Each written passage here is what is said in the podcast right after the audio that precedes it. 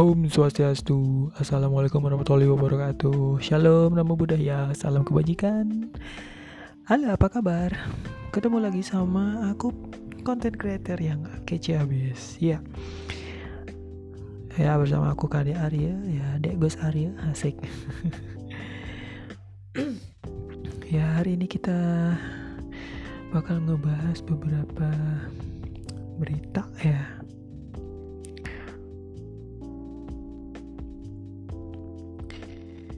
mungkin dari dunia segi eh, dari segi teknologi. Asik oh ya. Uh, dulu tuh ada nam, apa namanya kayak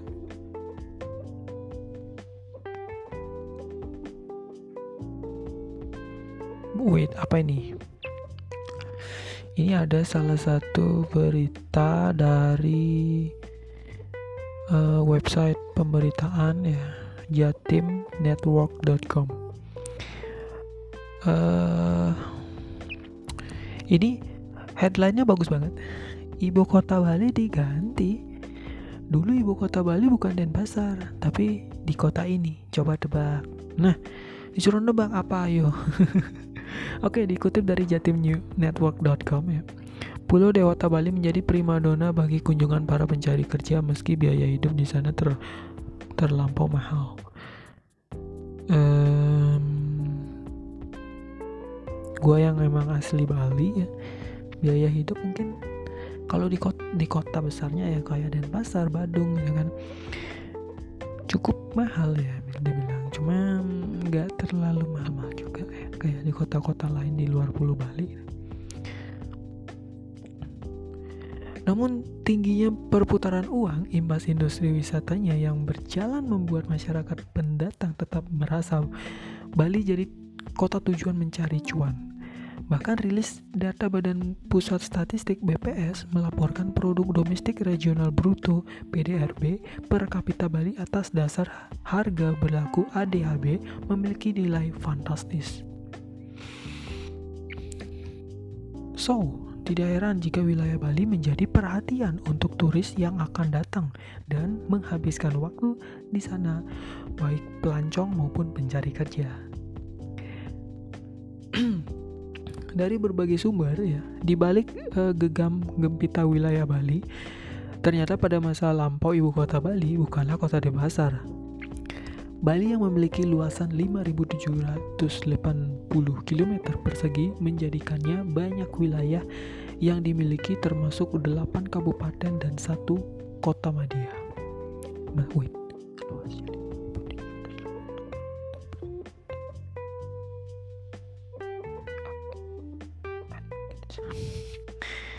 Ya, kita lanjut next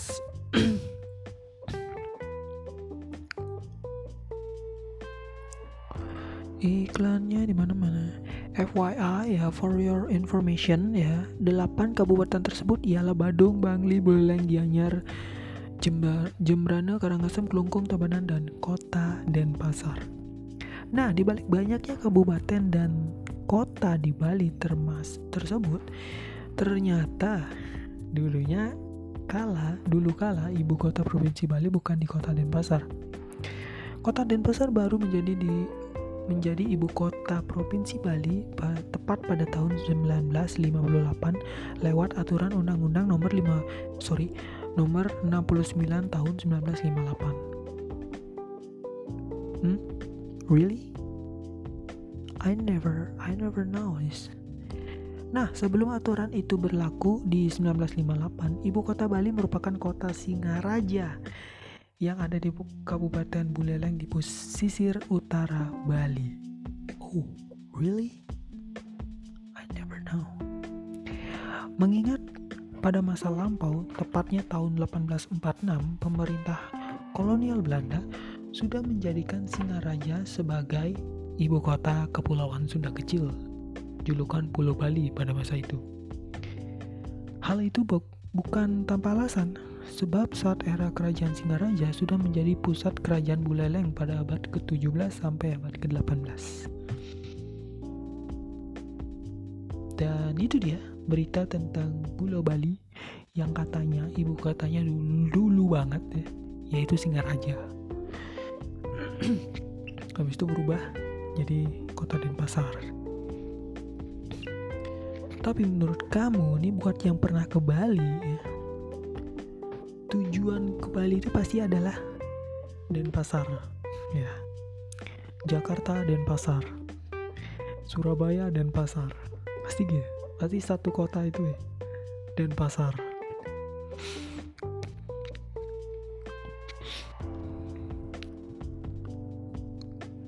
So uh, sebenarnya pemberitaan hari ini pembahasan hari ini adalah pembahasan yang sangat random ya. Seperti biasa kemarin-kemarin juga random ya. Semua apa yang berita yang udah aku baca sebelumnya rangkum gitu udah aku lihat juga di media pemberitaan gitu. Aku rangkum aku jadiin satu gitu. Dalam satu podcast.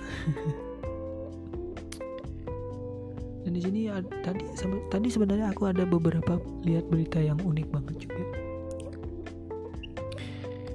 uh, apa ya tadi lupa kok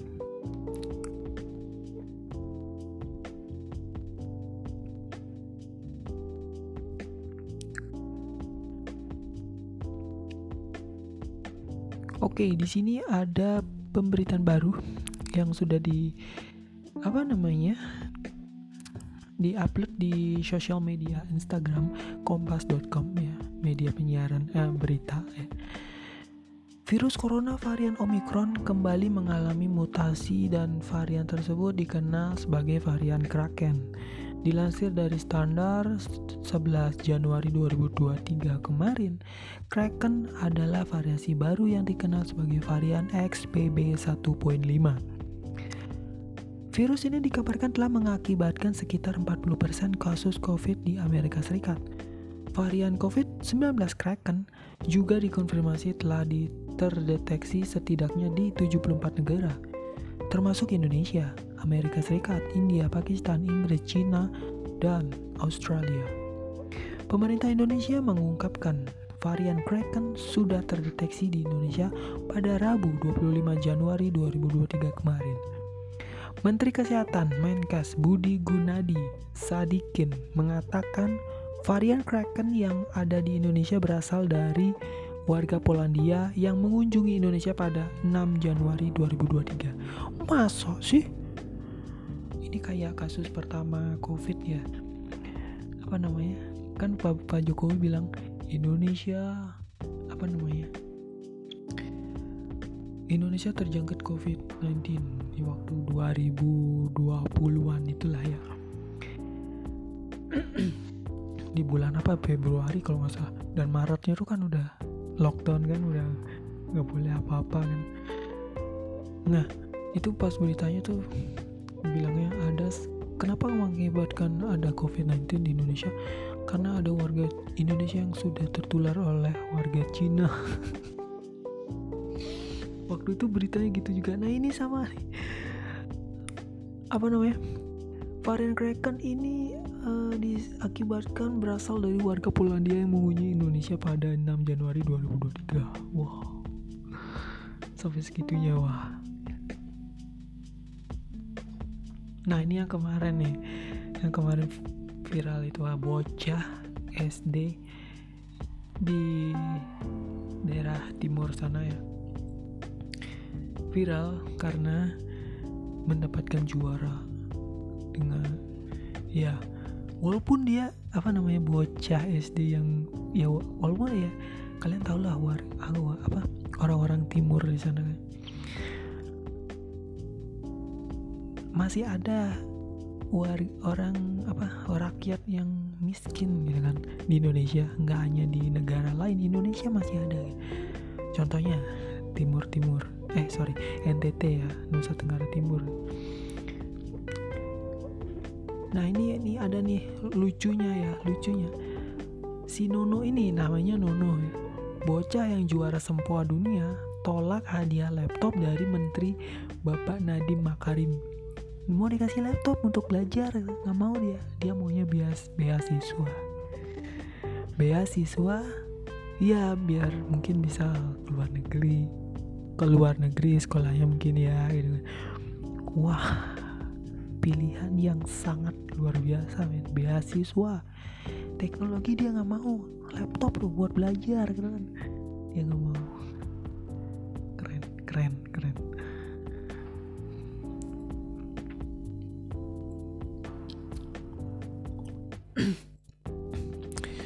Terus apa lagi nih?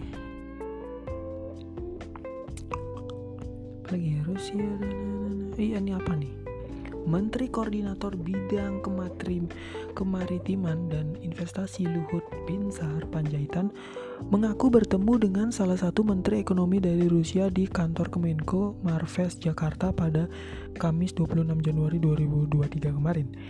Namun uh, Pak Luhut tak merinci siapa nama Menteri Ekonomi dari Rusia yang dia maksud itu.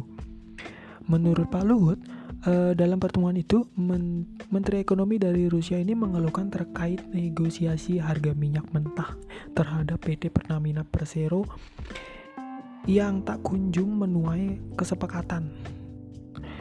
Sebelumnya Pertamina juga mendapatkan keluhan dari putra mahkota Arab Saudi, Muhammad bin Salman atau MBS. Lantaran perusahaannya minyak minyak raksasa Arab Saudi, Aramco gagal negosiasi dengan Pertamina terkait valuasi kilang dalam proyek Refinery Development Master Plan atau RDMP di Cilacap, Jawa Tengah. Ya karena alasan itu Arab Saudi enggan menambah investasi di Indonesia. Pak Luhut lantas meminta penjelasannya langsung terkait hal tersebut kepada Dirut Pertamina. Cuman cuman gara-gara itu doang.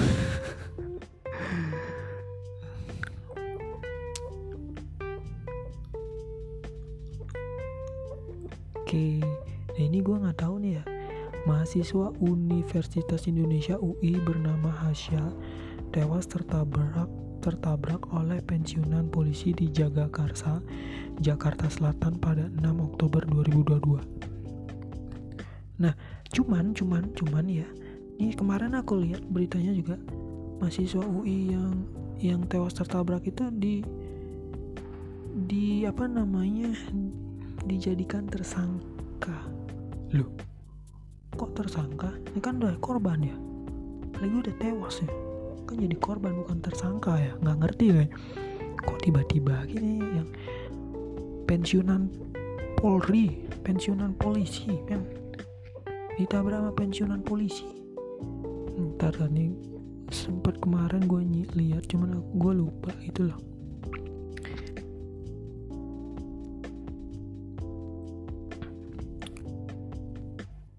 nah ini ini nih nih ini gue kutip dari detik news. Mahasiswa UI tewas kecelakaan jadi tersangka.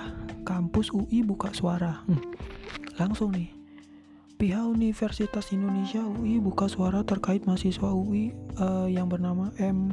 Hasya Atalah Syaputra berusia 18 tahun ya yang ditetapkan sebagai tersangka di kasus kecelakaan yang menewaskan dirinya. Loh, korban jadi tersangka gimana tuh? Kepala Humas dan KIP UI Amelita Lucia mengatakan pihaknya menghargai penyidik dan upaya hukum yang akan dilakukan keluarga. Oke, menurutnya keputusan tersebut telah ada aturannya. Amelita juga menyampaikan duka cita mendalam atas meninggalnya Hasya. Diketahui penyidik dirok, dirok, eh, sorry, Direktorat Lalu Lintas Polda Metro Jaya menetapkan Hasya sebagai tersangka atas kasus kecelakaan yang menewaskan dirinya sendiri. Kok gua bingung ya? Polisi berkesimpulan kecelakaan tersebut diakibatkan karena kelalaian mahasiswa Hasya. Sementara itu purnawirawan polisi dianggap bukan penyebab kecelakaan tersebut. Oke.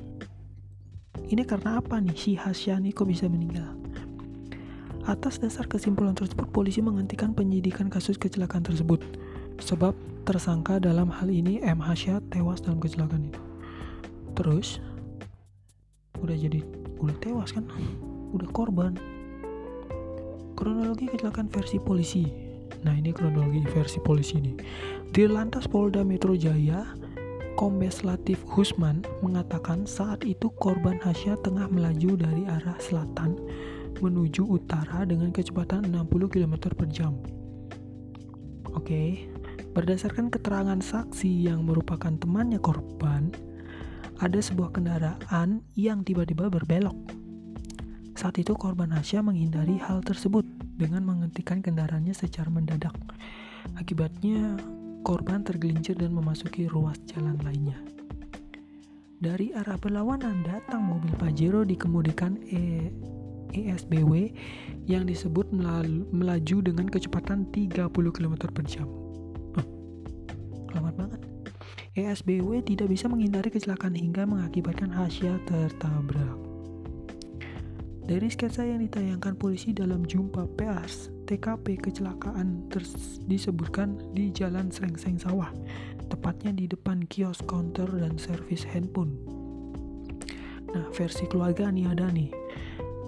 Keluarga Asya juga menjelaskan kronologi kecelakaan versi mereka. Kecelakaan terjadi pada Kamis 6 Oktober 2022 malam di Jalan Srengseng Sawah, Jagakarsa, Jakarta Selatan. Hasya saat itu diketahui baru pulang dari kampus UI Depok hendak menuju rumah temannya. Secara refleks, Hasya menghindar kemudian mengarah mendadak. Motor Hasya kemudian terjatuh di sisi kanan. Oke. Gita menambahkan setelah kecelakaan tersebut, Hasya kemudian dibawa ke rumah sakit. Gita mengatakan SBW sempat diminta membantu membawa Hasya, namun menolak. Oke. Saat tiba di rumah sakit, Hasya dinyatakan meninggal dunia. Keluarga kemudian melakukan visum, namun pihak rumah sakit tak memberi bukti pembayaran. Oke, yang gue tangkap di sini adalah uh, keteledoran dari si korban. Ya, mungkin mungkin dia dia nge ah, namanya juga anak muda ya. Suka ngebut-ngebut ya. Tapi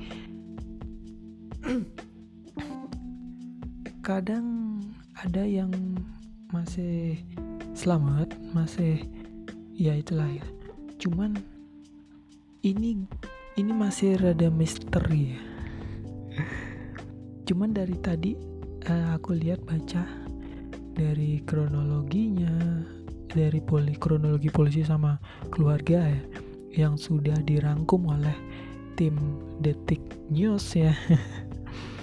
Terus dimasukin ke berita. Kalau secara akurat atau enggak aku sih nggak terlalu ya mikirin itunya ya. Karena ini sebuah rangkuman dari tim dari apa namanya pem, apa? Si medianya gitu loh cuman yang di sini aku tangkap seperti ket, uh, keteledoran dari si korban gitu.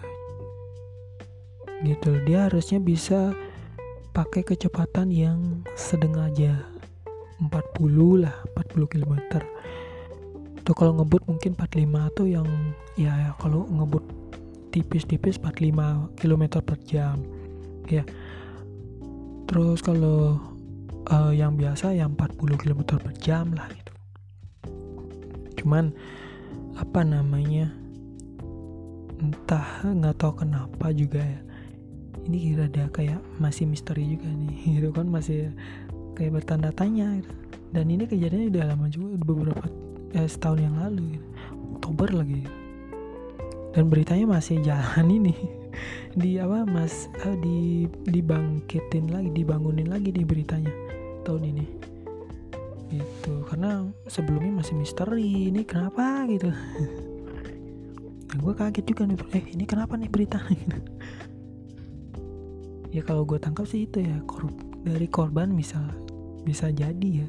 Keteledoran dari korban juga bisa. Cuman